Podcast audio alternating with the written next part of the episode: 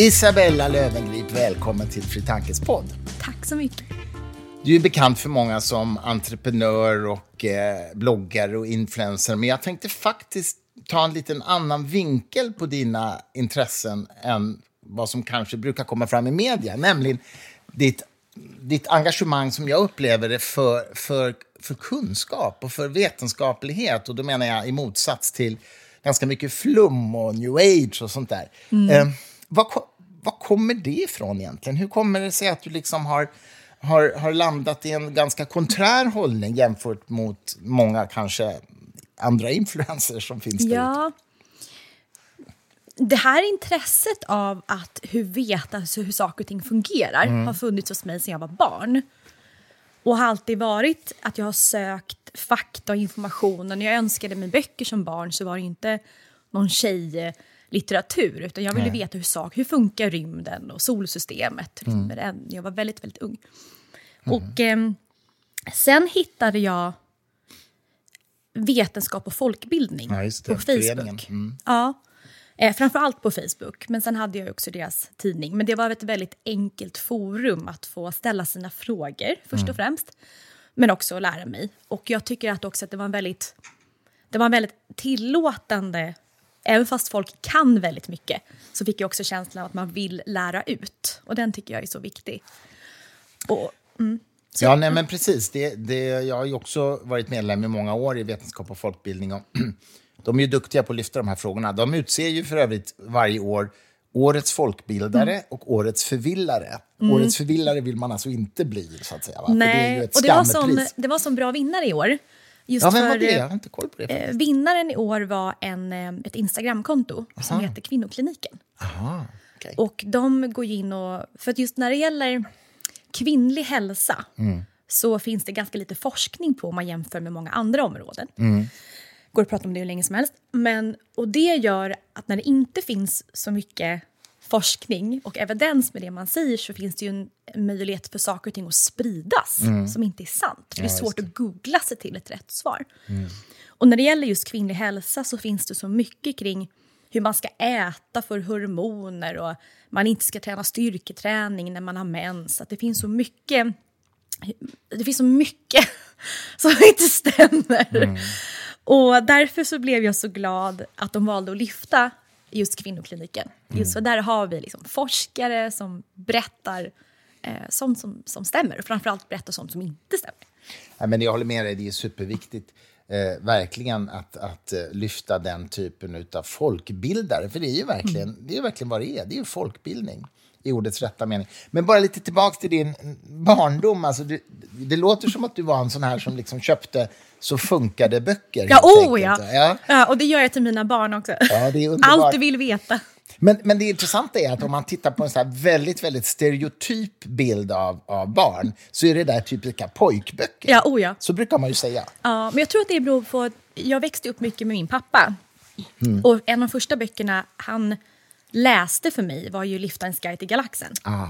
Underbart. Ja, det läste jag också. Ja, så uh, han, han la böcker liksom i min famn hela tiden. Mm. Nu ska du läsa det här. Och det kunde ju varit...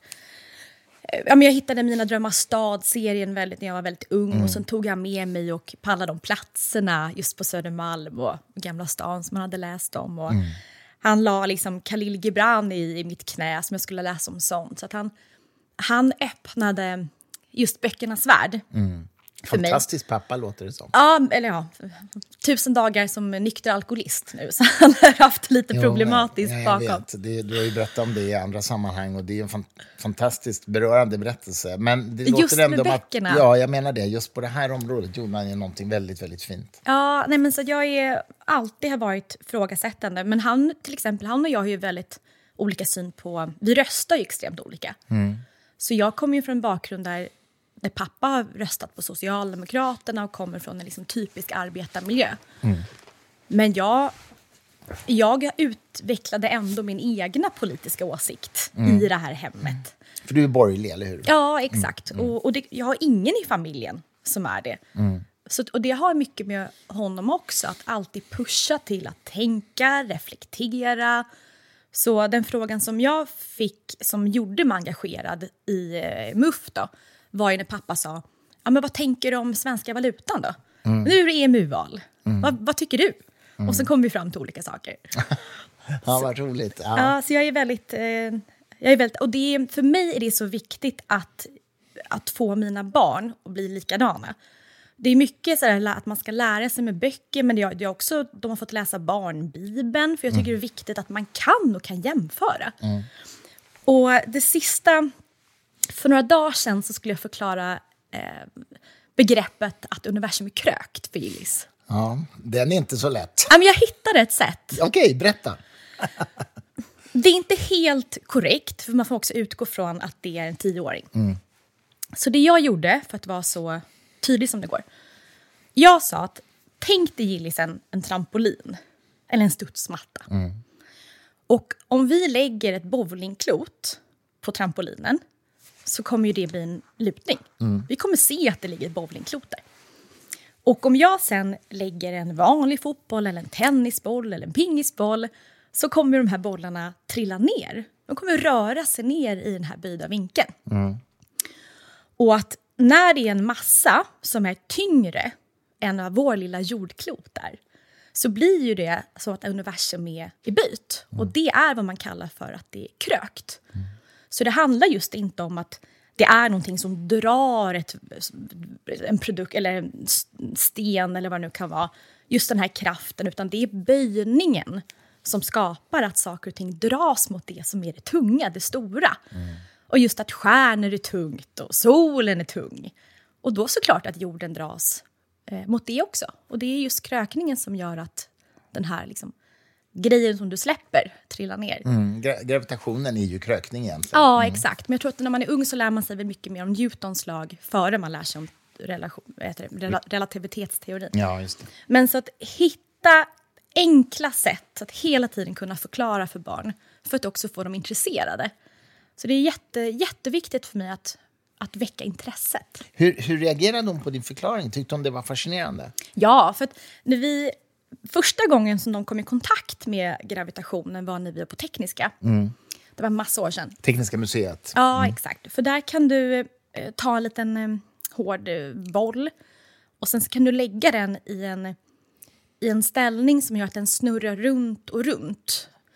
Ehm, och då ser man att den här liksom dras ner mot det här hålet. Och det är motsvarande trampolinen Ja, med liksom bowlingklotet som är tungt. Men jag tyckte inte den var tydlig nog. Nej. Så det här var nästan lättare att just att förstå eh, vad en krökning är. För det är, ett, det är ett begrepp som de kommer få höra framöver. Och det är ju inte få tror jag som... Men det svåra är när man ska lägga till rumtid på det här. Ja, ja. Och, och då får man ju på något sätt presentera det mer som en...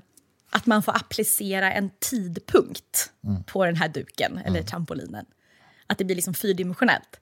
Och, och där är vi inte än. Nej. Alltså det där är, det är ju svårt. Jag menar, även jag som har läst mycket fysik tycker att det är jättesvårt att intuitivt förstå relativitetsteorin. Ja, det, ja, ja, det är ju ja. verkligen svårt. Alltså. Ja, ja, ja. Men- Men, just väcka intresset, det Ja, är ja, det som är... Det är det enda som är viktigt i det här. Sen Mm. behöver inte allting vara korrekt som tioåring. Nej. Men att man liksom Har du fått- det är spännande. Har du fått barnen att läsa Liftarens guide till, till galaxerna? Jag läser ju dem. Ja, för Eh, dem alltså? Ja, absolut. Inte, inte liksom från sida till sida Nej. Eller perm till perm, utan jag väljer enstaka eh, bitar som jag tycker är värt att prata om. Som till exempel det här var svaret på, eh, vad är svaret på liksom, vad är meningen med livet? Och så kom just 42. Och, och, det jag försöker, och det som är så roligt i den berättelsen är att de glömmer bort vad frågan var från början. Och den är också väldigt viktig. Att ibland så ställer vi stora frågor men vi kommer inte ihåg vad var det vi undrade från början. Eh, men det finns en eh, del i boken som de inte förstod. Och det var just de här små gröna papperna. Det kommer jag inte ihåg. Vad var det? Nej, för man säger det att, att människor är så olyckliga i den här. Och eh, att man tror då att det var de här små gröna pappernas fel, alltså pengar, sedlar. Ja, ja, ja. Mm. Och det var så märkligt för att är det, vem är, är det så att det är de små gröna papperna som är ledsna? Nej, men det är det inte. Men det, alltså, vad är det som gör att vi blir ledsna då? Men barnen har ju ingen relation till sedlar. Nej, nej, precis. Det funkar inte Det riktigt. funkar inte. Men det är ju en vansinnigt rolig bok. Alltså.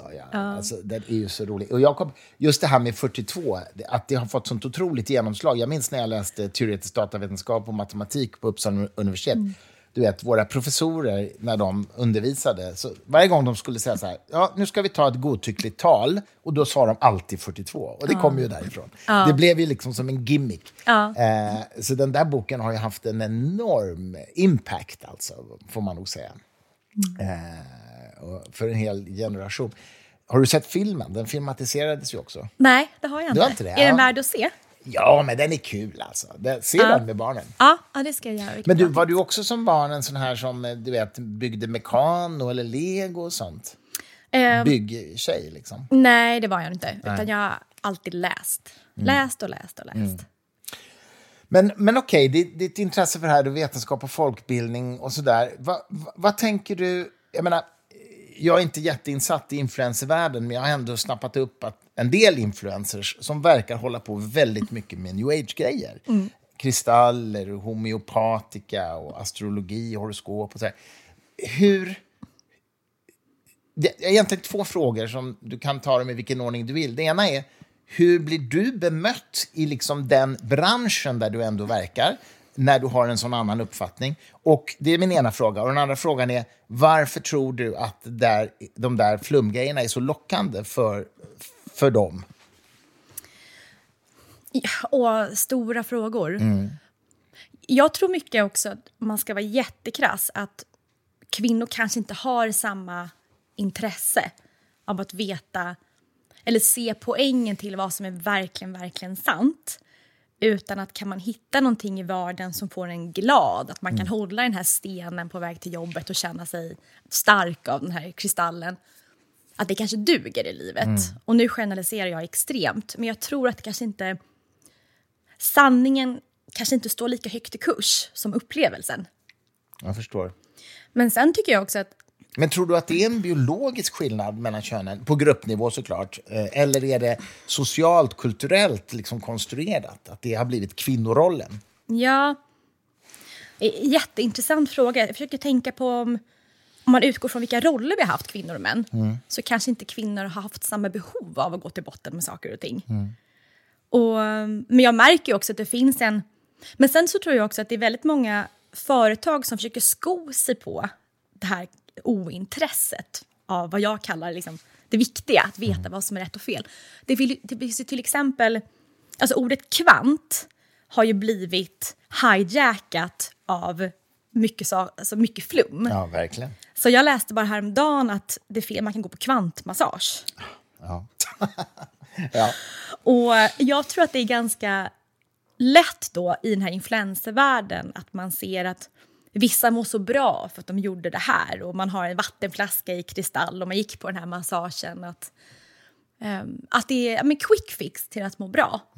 Och sen tror jag också att vara en tjej som går runt i yogakläder och äter en viss mat och utstrålar den här hälsokvinnan kvinnan som är väldigt sådär flummig och spirituell. Den kvinnan har stått ganska högt i kurs. Det finns någonting, eh, kanske bara kvinnor emellan, men det finns någonting attraktivt kring hon som ser så sund ut. För när hon äter en viss mat eller dricker vatten i en viss pH eh, som hon ändrar eh, så kanske man blir lika vacker som henne. Så jag tror att det styr mycket. De här hemliga knepen. Det är väl det som gör att man inte blir så rationell. Men det här det sista du beskriver nu, det, det kan man ju säga att det är ju då en kulturell konstruktion. Det är liksom någonting som har skapats i våra köns, alltså våra kulturellt skapade könsroller. Ja, för det är mycket... Ja, det mer, jag tror utifrån den också... Det är mer attraktivt med den här kvinnan som är lite flummig och spirituell än hon som har näsan i böckerna och vill liksom märka ord och rätta. En sån person vill man inte vara med riktigt. Och tyvärr så blir det de två stereotyperna. Men jag har också märkt att under den här, ja, en form av, vad är vi då, halvt i en lågkonjunktur, så har inte de här kvinnorna samma, inte lika mycket pengar och tid till att kunna ägna sig åt det här spirituella. Man, kan, man har inte råd att gå på yogan så här många gånger eller köpa den här dyra maten. Så jag tycker att fler och fler landar i att det spirituella kanske inte är värt att lägga pengar på. Eh, Okej, okay, intressant. Och det, var har ju med det ekonomiska. spaning. Du upplever att det är en Ja, sån oh ja. förändring? Mm. Oh ja, man har inte, man har inte tid att gå på alla behandlingar eh, som man inte får någonting av. Eh, så att jag, tror Nej. mycket, jag tror mycket att det handlar om att man har för mycket pengar. Och det är ju bara, jag läste i morse så var det en man som lägger 20 miljoner kronor per år i USA för att han ska bli 120 år gammal. Och en sån person är världens lättaste target för företag som säger att "Men jag kan stoppa in stamceller och få dig att Ja, leva visst. längre. Så jag tror att dels har det med pengar att göra och att det är attraktivt.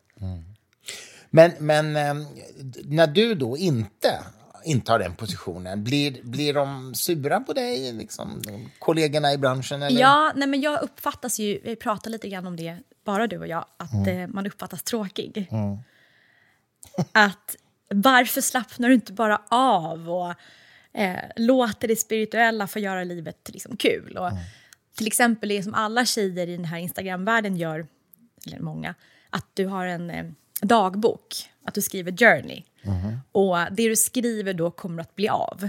Det är som en form av the secrets och det drar till sig det som du skriver. Och jag går ju runt och sågar allt sånt här hela tiden. Tack så man- och lov.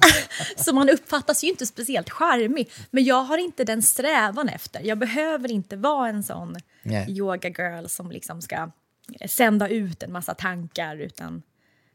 Vet, du, jag har inte aldrig haft det behovet. Men har det är du klart man aldrig inte... haft det? Eller är det nu för att du liksom har blivit lite äldre i alla fall och, och väldigt mycket mer etablerad? Eller Nej, var- aldrig. Du har aldrig varit så? Alltså? Aldrig, aldrig, aldrig. Jag, har, men jag har inte haft det. Jag har inte haft en... Kanske beror det också på, att- på en trygghet i sig själv att jag aldrig behövt vara en sökare. För det upplever jag också många kvinnor. Eh, att man, har, man söker efter svar, att få bli bättre, hitta någon som kan förklara livet för en, en coach. En av mina bästa vänner, Sheila, hon, hon är ju extremt... Hon är allt som jag inte är på den fronten. Okej. Och vi är bästa vänner. Och hon hittar nya retreats hela tiden, olika coacher som ska få henne att växa som person, och maträtter och så. Och vi är extremt raka mot varandra vad vi tycker om, om varandra. Så jag tror att det handlar just om en osäkerhet. Att man söker trygghet i något. Och det ser vi också med religion. Man, man tror ju aldrig så mycket på Gud som när livet är utmanande. Så det kanske inte är så, så konstigt heller. Nej, precis. Du menar att det är, någon, att det är lite ångestdämpande helt enkelt att Ja, vara oh, ja. på det sättet? Ja, absolut. Hitta någon form av guru som kan berätta hur man ska äta och dricka och röra sig för att man ska nå det man vill nå. Ja.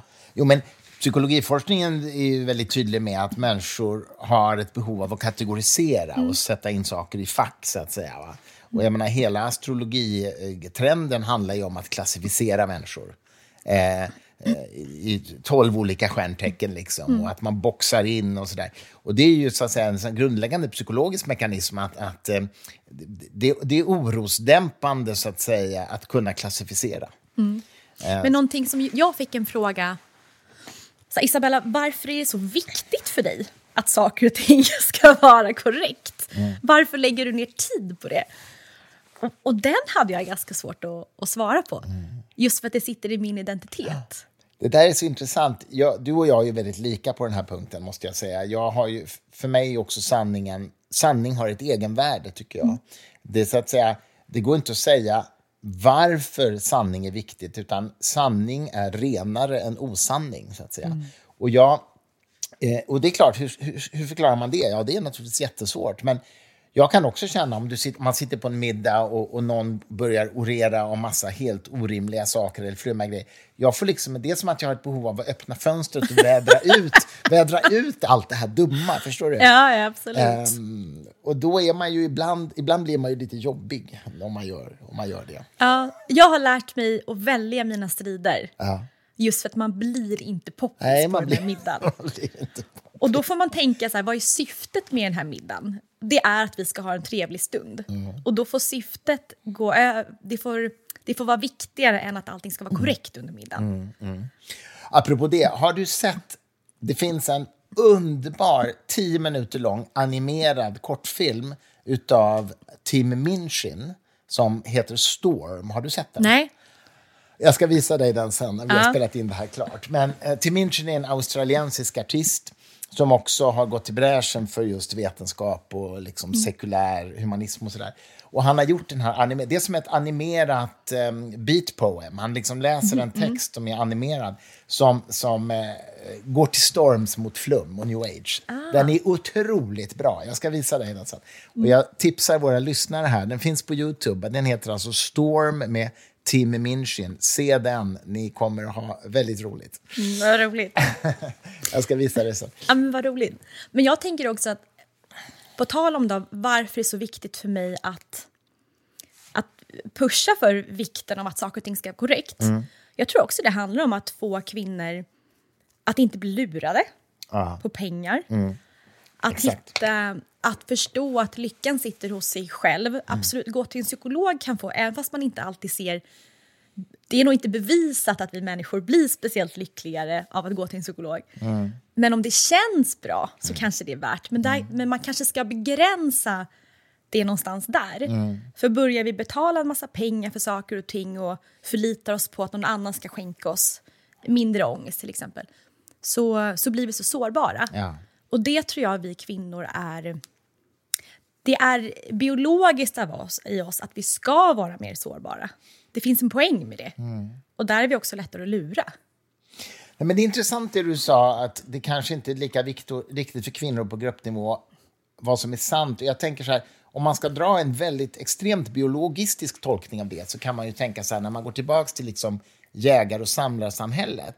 Om det var kvinnan som var den vårdande liksom hemma i boet, mannen ska ut och jaga bufflar, då är det ganska viktigt vad som är sant, att säga. Ja. Om det är en buffel som anfaller eller inte. Det är ganska viktigt vad som Eller är sant. svamp som ska vara korrekt om man ska plocka. Exakt, precis.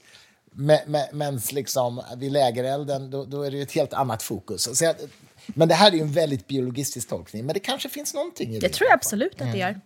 Och det är också, för en kvinna tänker jag alltid från när man får barn, att det finns en anknytningsprocess.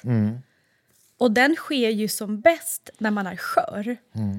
Det, man pratar ju oftast det att när man får barn så är det som att man skalar av en lök. Att man är, det finns inget skydd, utan man är sitt, liksom, sitt allra innersta och sköraste jag. Och när man är det så har man också möjlighet att ta till sig sitt barn eller annan. Det finns en poäng med skörheten. Så jag tror att det, det ligger biologiskt i oss att sänka garden och kanske inte vara så kritiska på samma sätt. Ja, jag förstår vad du menar. Det, där, ja, det är superintressant. Samtidigt tror jag man ska vara... Jag tror samtidigt man ska vara väldigt försiktig med såna här tolkningar. Jag träffade- Ja, absolut. Jag, jag, talade, jag talade med en hjärnforskare för ett par år sedan eh, som berättade en väldigt, tyckte jag, fascinerande sak. Hon berättade att man hade då tittat på det här faktumet att eh, när man blir förälder eh, de började med att titta på kvinnor, mammor. Eh, när, när de får barn så hade de mycket svårare att se våld i filmer och sånt där på tv. Det var mycket mer obehagligt än det var innan de fick barn.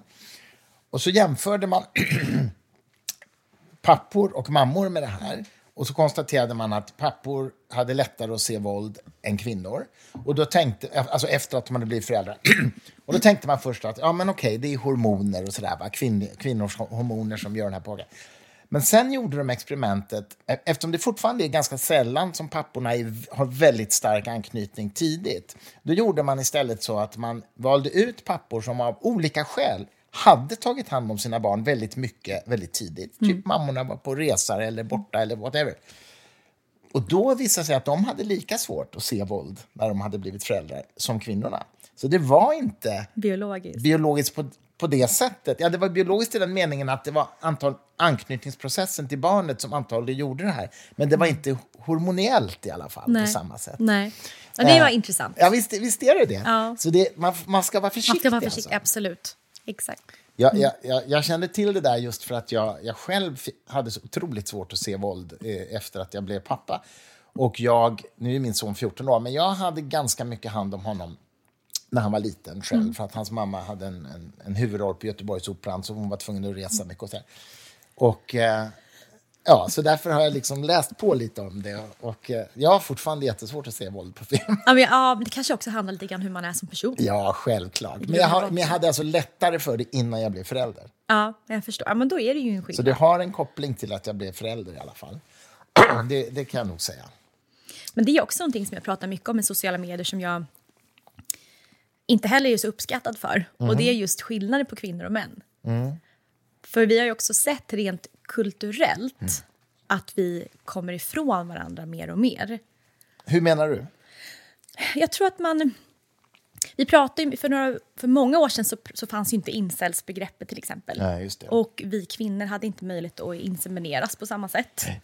Det finns ju en helt annan självs, möjlighet till självständighet som kvinna idag än vad det fanns för länge sedan. Vilket är toppen. Men det gör också att det blir, det blir en större klyfta mellan män och kvinnor. Inte bara den här anledningen, men det har blivit, många uppfattar det som det. Och jag, det jag kan säga är väl att det kan vara bra med klyftor också mellan kvinnor och män. För att en period så hade vi att det fick inte vara det. Det var att man skulle, just med kön och att vi skulle vara samma, att man inte får göra skillnad. Och, men, men jag har alltid varit av den liksom, konservativa er, åsikten att det finns en poäng med manligt och kvinnligt. Ja, men jag, för, jag, förstår, jag förstår vad du menar. eh, Och jag tänker att så länge det på individnivå att man ändå har friheten att inte vara könsstereotyp. Du är ju inte det till exempel när det Nej. gäller synen på vetenskap. Nej. Eh, och så länge så att säga, könsrollen tillåter den e- enskilda individer att avvika, då, då, då, då kan det ju vara så. Men det finns ju tyvärr många kulturer där könsrollerna är, är påtvingade. Till exempel Ja, är- islamistiska Ja, kulturer absolut. och sådär. Absolut. Så att, Och det är kanske lättare för mig att uttrycka mig så här när jag lever i ett land där jag har alla möjligheter i världen. Ja, men, ja men, men så är det ju lite grann. Men jag, men jag förstår verkligen din, din, din poäng. alltså. Men i många länder är det ju så att kvinnor inte har ett val. Så att. Ja, ja, verkligen. Men, men ba- tillbaks till det här med, med varför kvinnor... Eller nej, egentligen skulle jag fråga så här. Eh, Den här influencervärlden... eh, Du, du säger alltså att du upplever att new age-intresset ändå är på väg att minska. Är det verkligen... Du, du upplever det? Jag tror att det har med, Mm. med konjunkturen att göra. Jag, är- jag, är- nej, men det, har jag nog, det kan jag nog landa i. Mm. Att finns det tid och finns det pengar Mm. så har man möjlighet att och liksom vandra runt och testa saker Mm. och se. Kommer det här gå? Kommer det här pillret göra skillnad? Mm. Men så fort pengarna och tiden inte finns där så får man på något sätt välja det som funkar. Ja, precis. Jag förstår hur du menar. Det, det är liksom en lyxsyssla Ja, det är en lyx, absolut. Och influencerbranschen, flesta kvinnor, eller flesta, några få, de kvinnor som tjänar pengar tjänar väldigt mycket pengar. Ja, just det. Så då kan ju de verkligen ha möjlighet att visa upp det här häftiga livet. De åker till bara vara eller liknande och har liksom förändrat hela sin person. Så det är klart att de blir ju lite förebilder i det här. Det är så eh, komiskt, alltså vi, vårt bokförlag Fri Tanke som ju ligger i Gamla stan, vår, butiken bredvid vårt kontor, det är just en sån här new age-butik. Du vet, Mm. De säljer kristaller och de lägger tarotkort och så. här. Så det är vår närmsta granne, liksom. Ja, ja. Flummeriets högborg. Nej, men sist när jag poddade med Mishila då, då hade hon tagit med sig en tarotkortlek. Och har hon en podd alltså? Ja, vi har en gemensam podd. Men det handlar om vänskap, så det ja, det Ja, ja. helt annat. Förstår. Men hon tog med sig den här tarotkorten i alla fall och så skulle hon lägga det ut det för mig. Och jag kommer inte ihåg vad det var för kort. Men, men, jag, men det, för henne är ju det ett, ett nöje i vardagen och någonting som kanske kan styra henne lite. Eh, så att jag tror, jag tror... Jag tror inte att det handlar kanske om att allt, de här personerna som gillar den här världen och kristaller och så, att, jag tror kanske inte heller att de förväntar sig stordåd heller. Nej. Jag tror mer att det är kanske lite kul och att ha någonting att luta sig mot men också att det finns ett community framför allt Ja. kring det här. Det är en social gemenskap, så att säga, som det handlar om kanske. Ja, för att min community som tänker mer som jag, den är ju jätteliten. Så att, det hade ju varit trevligt om jag hade valt den andra sidan. För där hade jag kunnat hängt med massa sådana människor. Ja, ja. Nej, men visst, jag kommer ihåg för många år sedan så eh, mötte jag en kvinna, hon kallade sig för Ylva Trollstjärna och hon var sån tarotkortsläsare. Och hon hade det som business alltså. Mm. Och jag lyckades få henne att gå med på att göra ett, ett test i direktsänd tv, som var på TV3, där, eh, där jag skulle liksom testa hennes tarotkortsförmåga. Mm. Och det var ganska kul, för vi utarbetade ett experiment som hon var med på. Hon sa nämligen så här att hon kan titta i sina kort hon kan lägga korten framför en bok som hon inte ser. Um, alltså boken kan ligga i en låda. Och om det är en välkänd bok så att säga, som, som är välbekant för allmänheten, då kan hon kolla i sina tarotkort och säga vad, vilken bok det är. Och det vet jag bara, okej. Okay. Tänk om det här var sant. Mm, ja, precis. men, men det sa så här, okej, okay, vi gör ett test. Eh, jag tog fram en lista på 15 boktitlar, mm. jättekända böcker, mm. typ så här, Moby Dick och Bibeln och, och Brott och straff och sådär. 15 boktitlar och så, så la vi 15 svarta lådor med de här böckerna i. Och så fick hon de här titlarna på kort. Och så skulle hon då i direktsänd tv lägga tarotkorten framför varje låda och så sätta rätt titel på rätt låda. Mm. Och så sa jag till henne så här att om du klarar 10 av de här 15, då får du den här checken på 100 000 kronor. Och hon var med på det. Hon sa, ja men det här kommer jag klara. Ja, jag, jag hållit på med det här i 30 år. Åh, jobbigt. Ja, jag vet. Åh, jobbigt. Och hon fick ju då noll rätt. Åh, vad jobbigt. Ja, det var jobbigt. Det kan jag säga. Och hon... Hur reagerade Vad hade hon för... Vad sa hon? Nej, men det är så intressant. Va? För att för det första så tror jag att hon trodde att hon skulle klara det. Ja. Helt enkelt av det skälet att hon har haft kunder i 30 år som har sagt åh, du är fantastisk och mm. åh, det här du säger, det stämmer så bra och sådär. Va? De, hon har fått liksom affirmation från dem. Så att hon trodde nog att hon faktiskt hade en sån här förmåga. Mm. Så i den meningen tror, tror inte jag att hon var en bedragare. Hon var en Nej. självbedragare, så att säga. Eh, icke desto mindre så, så blev ju det här inte så bra för hennes business. Nej. Så att hon skrev ju sen på sin hemsida att hon har ju kontakt med andemakter och sådär också såklart. Och hon sa att de hade, de hade blivit arga på henne för att hon ställde upp i ett kommersiellt jippo. Så de hade saboterat det. Hennes andar hade saboterat det här. Okej, okay. och det gjorde hon väl för att safea upp sin business, antar jag. Ja, ja, ja, men det är klart. Hon måste ju göra Hon måste göra Men, eh, men det, var, det var fascinerande, alltså. Hon, var, hon blev så bedrövad att hon, hon blev chockad att hon inte klarade det här. Men jag tror också många som har det jobbet jag har väldigt svårt att se att de går till jobbet och vill lura någon. Ja, jag, har, jag, har mm. väldigt, jag tror ändå att de flesta som jobbar och lägger tarotkort, och, precis som med henne, då, att hon, hon tror på det. Ja. Hon, hon, tror att jo, hon gör människor en tjänst. Jag tror att det finns riktiga bedragare också i och sig. Men, uh. men jag tror som du, alltså många tror själva. Mm. Uh, och det är inte så konstigt heller, för att om de har haft liksom klienter som länge har sagt att de är fantastiska, mm. då är det klart att man börjar tro på det. Liksom. Mm. Det finns ju, det har ju gjorts, känner du till ett begrepp som heter cold reading? Nej. Äh, men det, har gjorts, det är faktiskt ganska intressant. Man har eh, filmat när en patient går till ett medium eller en, ja, någon sån här ja. spåmänniska eller någonting.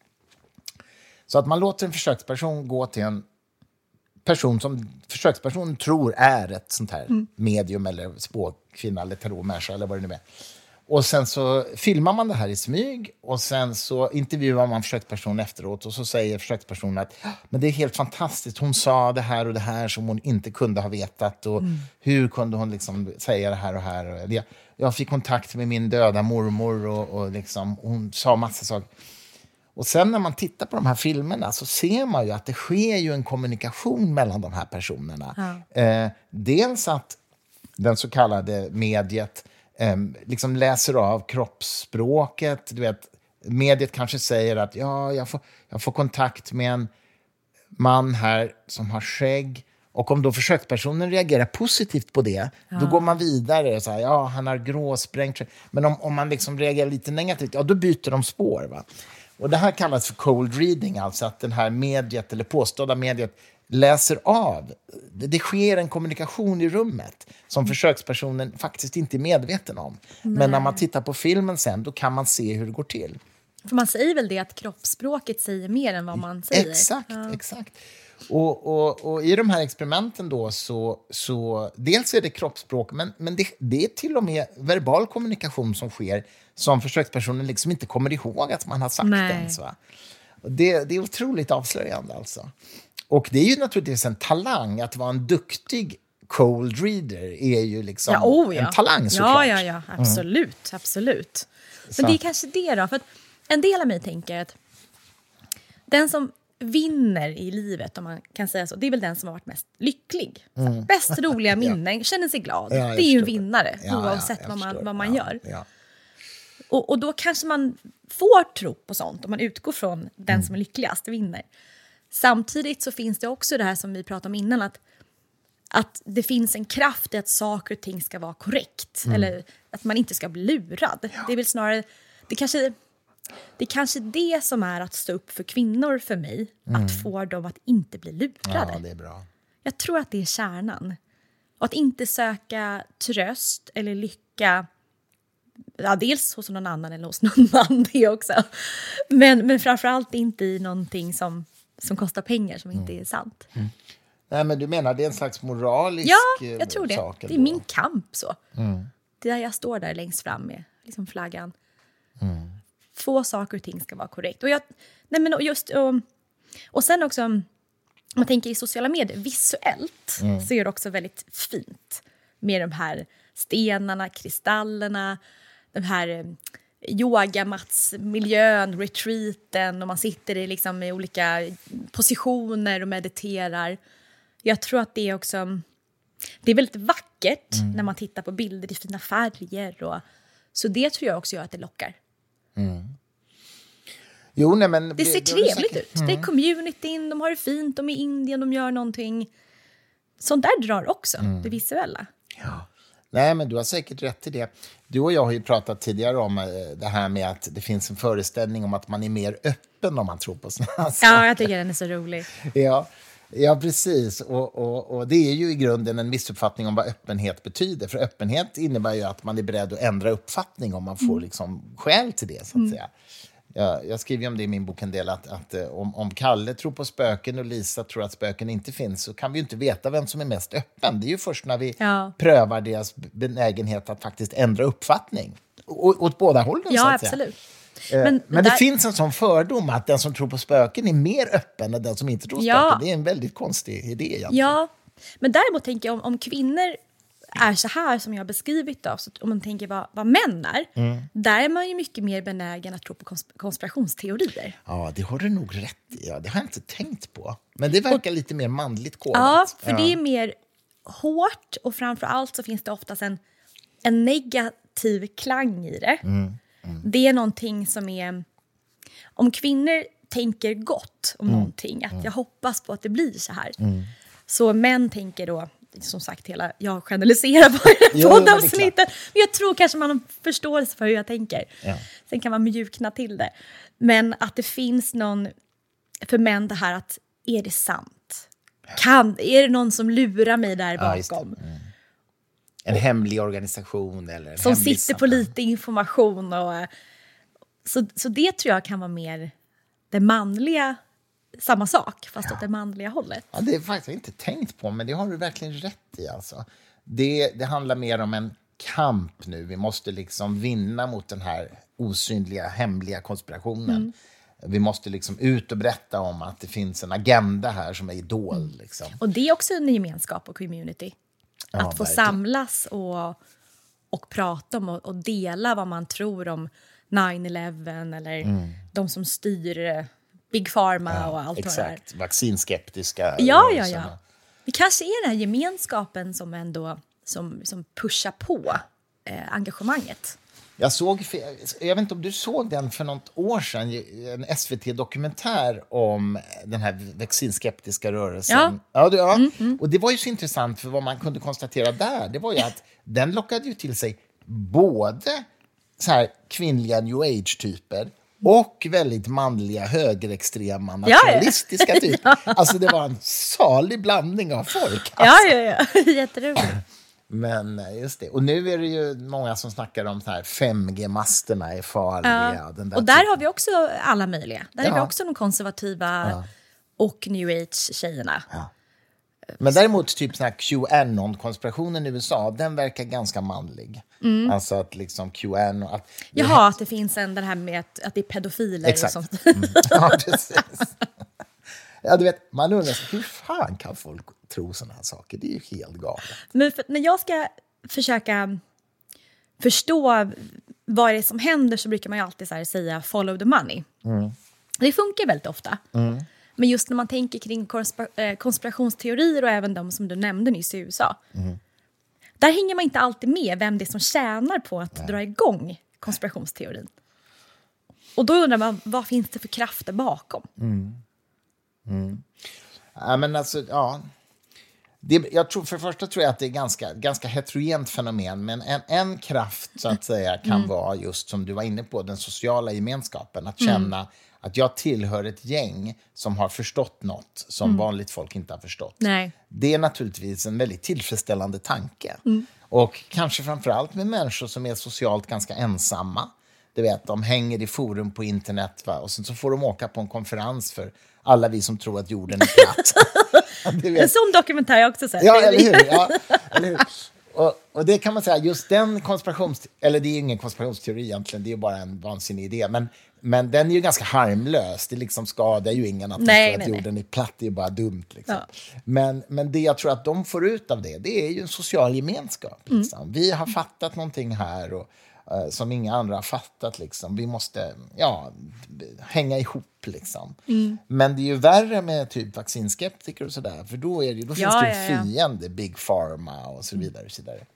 Och det, påver- det, på, det är ju en enorm fara när man får folk att inte vilja vaccinera sig. Ja, jag vet. Fruktansvärt alltså. Det är fruktansvärt. Och det som är så läskigt är ju att det finns ju också en del medicinskt utbildade personer som blir frontfigurer för de där rörelserna ehm, eh, som eh, då verkar veta vad de pratar om, så att säga. Men som antagligen gör det här för att de tjänar pengar på. De får betalt för att tala på deras konferenser och sådär. Va? Så det finns ju en slags kommersidé också som, men du, du, du har ju också, vi pratade tidigare om du och jag, det här med identitetsskapande åsikter och att det också märks i politiken idag. Kan, du, kan du inte berätta lite om det resonemanget som du drog för mig tidigare? Så skulle jag vilja ta upp den tråden. Hur tänker du kring det? Ja, men jag tycker att man har sett de senaste åren... Det jag tog upp med dig var just att det var val i Taiwan Ja, för just det. ja, mindre än en vecka sedan. Och det de sa själva, de här ganska unga personerna som blev intervjuade var att man valde inte parti utifrån de här typiska liksom, sakfrågorna som vem, vilket parti som vill ge bäst, mest pengar till sjukvård eller bästa skolor och sånt eller skatt som oftast är en ganska vanlig diskussion i ett val. Just b- för, ja, men ekonomin i ett land. Men här var snarare att man valde att man ser sig själv, att min identitet är att jag är så stolt över att få leva i en demokrati som Taiwan är. Att jag, det här är liksom, jag, jag kan slåss för det här, att få ha en demokrati. Det är min, Medan några andra tänkte att nej, men, min identitet är att jag är rationell som vill att vi ska ha en bra relation till Kina för att det inte ska äventyra affärer eller mina pengar till exempel. Och det här är också ett synsätt som jag upplever är överallt. Som i USA så är man, de som röstar som är väldigt konservativa tänker att men, vi är de som ser hur samhället funkar på riktigt. Och där har vi SD, i Sverige upplever jag också lite samma sak. Att man kallar sig själv för realist, att vi är de som vågar prata om jobbiga saker. Ja, det. Mm. Och det är min, då, min identitet. Man gör samhället liksom en tjänst. Men många som röstar på den vänstra sidan i Sverige, de har identitet, eller inte ens vänstra. Vi ser ju hur många moderater som helst som lämnade Moderaterna för att rösta på, kanske på Socialdemokraterna. Just för att man inte kan identifiera sig med någon som skulle samarbeta med SD. Mm. Mm. Så samarbete, alltså, hur jag identifierar mig kring hur samarbetet ser ut just med SD och Moderaterna, att jag inte är en sån går före än vad egentligen vad partierna vill. Och jag vet inte... Och det som har lett, det som har hänt i det här är att vi har svårare att mötas. För att vi pratar inte om så här, just eh, hur ska vi tänka med svaga människor i Sverige som inte har möjlighet att arbeta till exempel. Ska man klara sig själv eller ska vi kollektivt se till att vi verkligen hjälper de här? Den dialogen har ju alltid funnits mellan det blåa och röda blocket, hur man ser på individen och det kollektiva. Men sånt pratar vi inte om idag. Nej. Men jag tror verkligen att du har rätt i att det finns en del så att säga, politiska åsikter som är väldigt starkt identitetsskapande. Eh, och det, det har ganska lite att göra med om de, om de är rätt eller fel, så att säga. Ja. Jag, jag tror till exempel miljö, att vara miljö, engagerad i miljöfrågan, eller klimathhotet, det är en sån sak som är väldigt identitetsskapande. Och det har alltid varit. Ja, det har alltid varit. Och, och, och även de som är då klimatuppvärmningsskeptiker, för dem är det också identitetsskapande Ja. att inte tro på klimathotet. Ja. Ehm, eh, nu har de sannolikt fel och de andra rätt, men det är liksom en annan sak. Utan det, det väsentliga är att det är väldigt starkt identitetsskapande. Och också synen på migration en sån. Verkligen. Och idag blir det ju också... Du blir ju kränkt om någon ifrågasätter Ja, dig ja. och din politiska liksom, åskådning. Ja, ja, ja. Förr i tiden så kunde man tänka så här att ja, okej, vi, håller, vi håller inte med varandra om den här frågan. Mm. Nu går vi vidare och äter upp vår goda middag. Just det. Men det går inte idag. Nej. Jag kommer ihåg sista gången jag träffade Hans Rosling innan han tyvärr gick bort. Vi åt lunch, eh, eh, långlunch. Han var ju fantastisk att prata med. Träffade du honom? Nej, det hade, hade jag gärna Ah, gjort. vilken häftig människa alltså. Att äta lunch med honom, det var som att egentligen det var som att sitta på en föreläsning. Han pratade 90 procent av tiden. Ja, jag kan tänka mig det. Men det var ju superintressant, så det gjorde ju ingenting. Men han vill inte lyssna. Det var inte... Inte så bra på att lyssna. Nej, nej. Men det gjorde Nej, ingenting. det är du, man, man njuter ju. Ja, man njuter exakt. Men jag minns så väl, sista gången jag lunchade med honom så, så sa han just så här att svenskar, problemet med svenskarna sa han, det är att de är så upptagna, svensk, vi svenskar är så upptagna av att vara goda istället för att göra gott, sa han. Ja, Och det är en väldigt bra formulering. Ja, liksom det här med att jag ska framstå som god, därför måste jag tycka så här eller agera så här och göra så här. Snarare än att kanske göra en lite nyktrare analys av hur gör jag så gott som möjligt med, liksom, ja, med mina resurser eller vad jag nu ska åstadkomma för någonting. Det är väldigt sant. Att det blir symboliskt istället för reellt på något sätt. Ja, men precis. Men sen tror jag också att om man då utgår från att det har blivit med att man röstar utifrån en, en identitet. Jag tror att man själv inte upplever det så. Utan personerna vara. tänker att men, jag är ju rationell i det här. Jag ser ju vad som betydligt behöver göras i samhället för att det ska bli en förbättring. Så jag tror inte att det är... Man är liksom inte medveten om det. Nej. Att man har börjat rösta från, från sitt djupa, från, liksom, från sitt innersta, än kanske det sakliga. Men tror du att den här identitetsåsiktstänkandet, är det lika fördelat bland alla partier? Nej, Det tror du inte? nej. Berätta. Antingen, antingen så har jag ingen självinsikt. det kan vara så, kan vara så ganska ofta. Eh, för jag upplever mig själv inte sätta en identitet så mycket. Och det är ändå ganska lustigt, för jag är en av få som verkligen har gått ut med vad jag står rent politiskt. Men det är ju du som... De, vi vet ju redan nu att du är ju väldigt intresserad av sanning och sådär, men jag tänker de politiska partierna. Ja. Inte, alltså inte Nej, inte person. på Utan, individnivå utan som...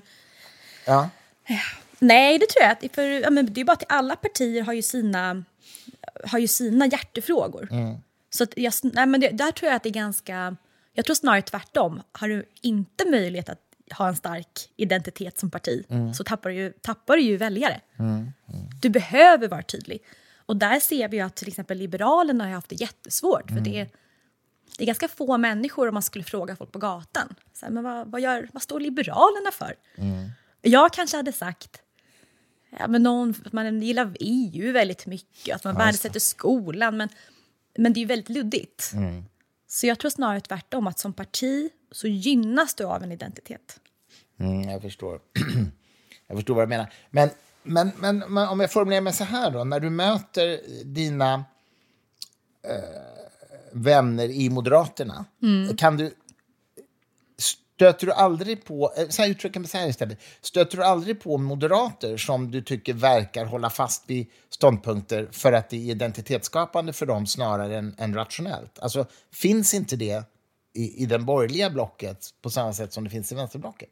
Jag tyckte, det var en, ganska nyligen som jag träffade en person som jag, inte, som jag upplevde gjorde precis så. Mm. För det har ju varit eh, som förslag nu att man ska att du inte får åka med en vanlig bil i innerstan. Ja, det. Att det bara ska vara elbilar. Och då har man ju börjat, för då var ju du, Stockholms stad drivs ju av eh, röd-grön mm. partier. Och då har man sagt att på vissa gator, vid NK, Hötorget, Kungsgatan då, så ska man med nästa år inte få köra där med en, en bensinbil. Och, och, och, det pratade jag då med honom och han tyckte att det här var förkastligt. Mm att varför ska vi sätta en ganska snabb lagstiftning alltså att inom en, två år så måste det här ske. Mm. Han sa att det är väl mycket bättre att vi kanske sätter tio år så att människor inte ska känna den ekonomiska pressen, att vi som politiker inte ska säga att nu ska det vara så här, utan mm. att vi är lite mer så här, pragmatiska. Är det här möjligt att göra? Där kunde jag känna att, att det kanske är klokt att skynda på. Mm att det kanske får bättre effekt om vi säger det. Att inom två år så ska de här gatorna inte få köras med, mm. med bensinbil. Mm. Och, och, där tror jag att man kanske värdesätter den här individens frihet före. Mm, jag förstår vad du menar. Ja. Och att det, att det liksom är en sån här nästan, eh, vad heter det, en instinkt så att säga. Att, man, man ja, att det är verkligen identitetsskapande. Ja, så att, säga. Ja. att kom inte hit och säg vad ja. jag ska göra. Ja, just det. Och då är det en identitetsåsikt som liksom går före det rationella i det fallet. Ja. ja. Och där har jag en, om jag, då ska ha lite självinsikt då, mm. så någonting där min identitet krockar, det har med så kvinnlig, alltså kvinnlig kvot, eh, kvotering att göra. Mm. Och där bråkar jag med mig själv. Just för att det självklara är att man ska få komma in i en styrelse av sin kompetens. Mm. Självklart. Men om saker och ting inte funkar mm. så behöver man ibland liksom få så här, skynda på saker i ett samhälle. Mm. Intressant, ja. Mm. Och, och där krockar jag med mig själv. Ja. För att om jag applicerar den tankesättet på den här frågan mm. så innebär ju det att jag har ju 20 frågor till som jag måste mm. bestämma mig för. att Är det här en princip som jag kan dra på allt eller är det bara per enskild fråga? Nej, men alltså det, det, det, är väldigt bra, det är väldigt intressant du säger. Och det är ju en slags också målkonflikt mellan en idealistisk uppfattning och en pragmatisk ja. uppfattning. För om man, skulle, om man kunde konstatera till exempel att män väljer in män i styrelsen därför att de gör det i sina manliga nätverk, då kan ju det hämma även kompetenta kvinnor att få plats. Och då kanske man borde lagstifta med en kvotering. Men å andra sidan, om det inte är så, utan att det är andra mekanismer, då kanske man inte ska göra det. Så Nej. Det, mm. Så jag, jag, landar i att det är en dålig idé. Mm. Men den är inte självklar. För Nej, mig. men det är bra. Mm. Framförallt tror jag det är superbra att man tillåter sig en nyanserad reflektion. Ja, oh ja.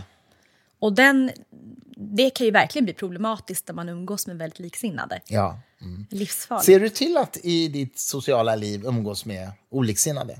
Ja, det är ju en 50-50 i min umgängeskrets mm. vad man röstar på. Kanske ja. till och med att det är mer åt eh, Socialdemokraterna och mm. Miljöpartiet. Mm. Eh, så nej, jag tycker det är jätte, jätteviktigt. Super, superviktigt. För det är också det enda sättet för mig att lära mig nya saker. Ja, visst.